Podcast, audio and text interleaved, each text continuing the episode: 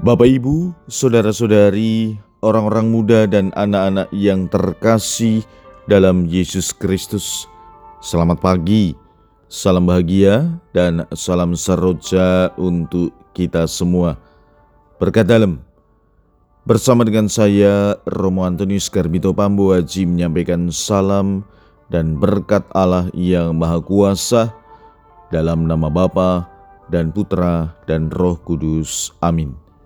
Hari ini Senin 5 Juni dalam hari biasa pekan biasa ke-9 bertepatan dengan peringatan wajib Santo Bonifacius Uskup dan Martir.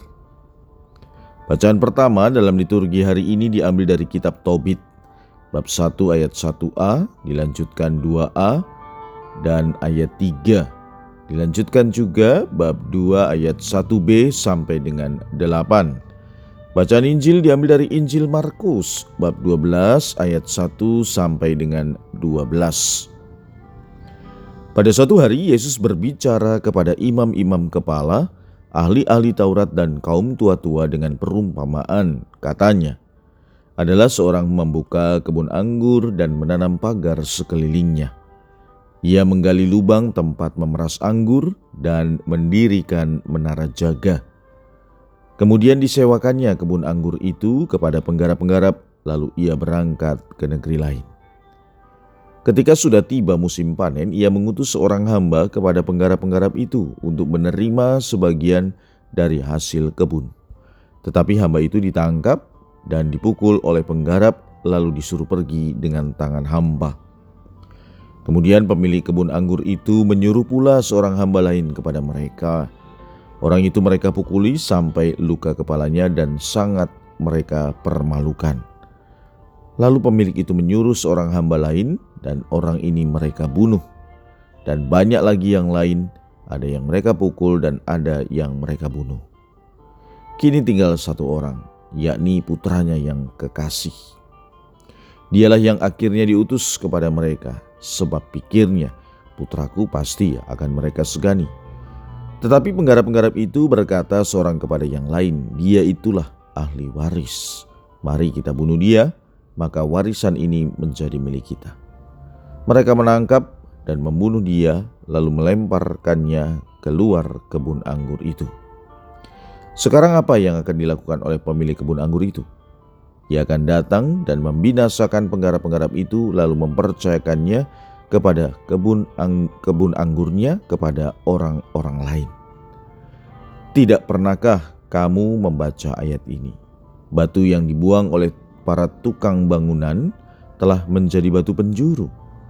Itulah tindakan Tuhan, suatu hal yang ajaib dalam pandangan kita.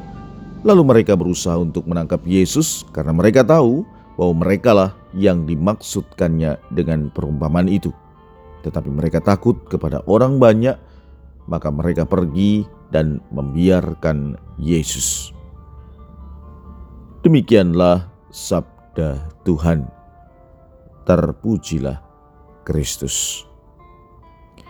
Saudara-saudari yang terkasih, sejak awal orang-orang Israel sering gagal paham tentang siapa mereka dan siapa Tuhan yang telah memilih dan menyelamatkan mereka. Itulah yang digambarkan dalam kitab suci. Bahwa mereka sering melupakan bahwa Tuhan sendirilah yang menyelamatkan mereka. Dan itu juga terjadi pada zaman Yesus, di mana para pemuka agama Yahudi sudah melihat banyak mujizat yang dilakukan Yesus tetapi nyatanya mereka tetap tegar hati dan tidak mau membuka pintu hati untuk mengenal dan memahami bahwa dalam diri Yesus Allah hadir.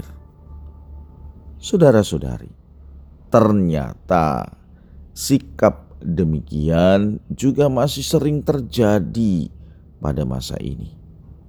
Banyak orang merasa bahwa merekalah yang memiliki Tuhan Merekalah yang memegang kendali dan merekalah yang berkuasa mengatur hidup. Bahkan seolah-olah mereka jugalah yang membela Tuhan.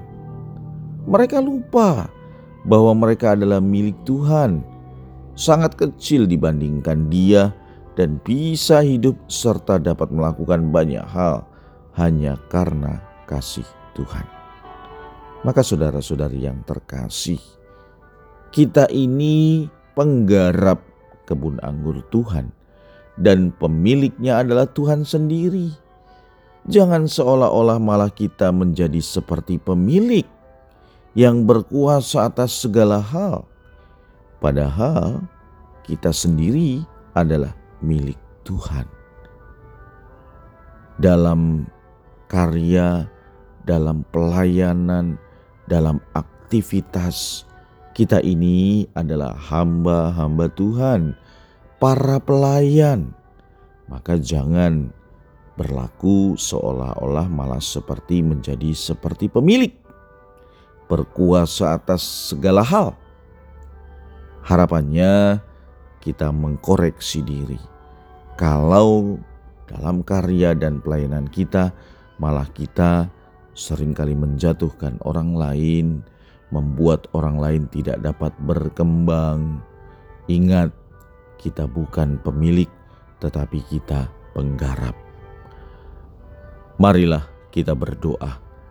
Ya Tuhan, semoga sabdamu hari ini sungguh menyadarkan kami untuk tetap setia kepadamu, melayani engkau dan sesama. Berkat Allah yang Maha Kuasa dalam nama Bapa dan Putra dan Roh Kudus. Amin.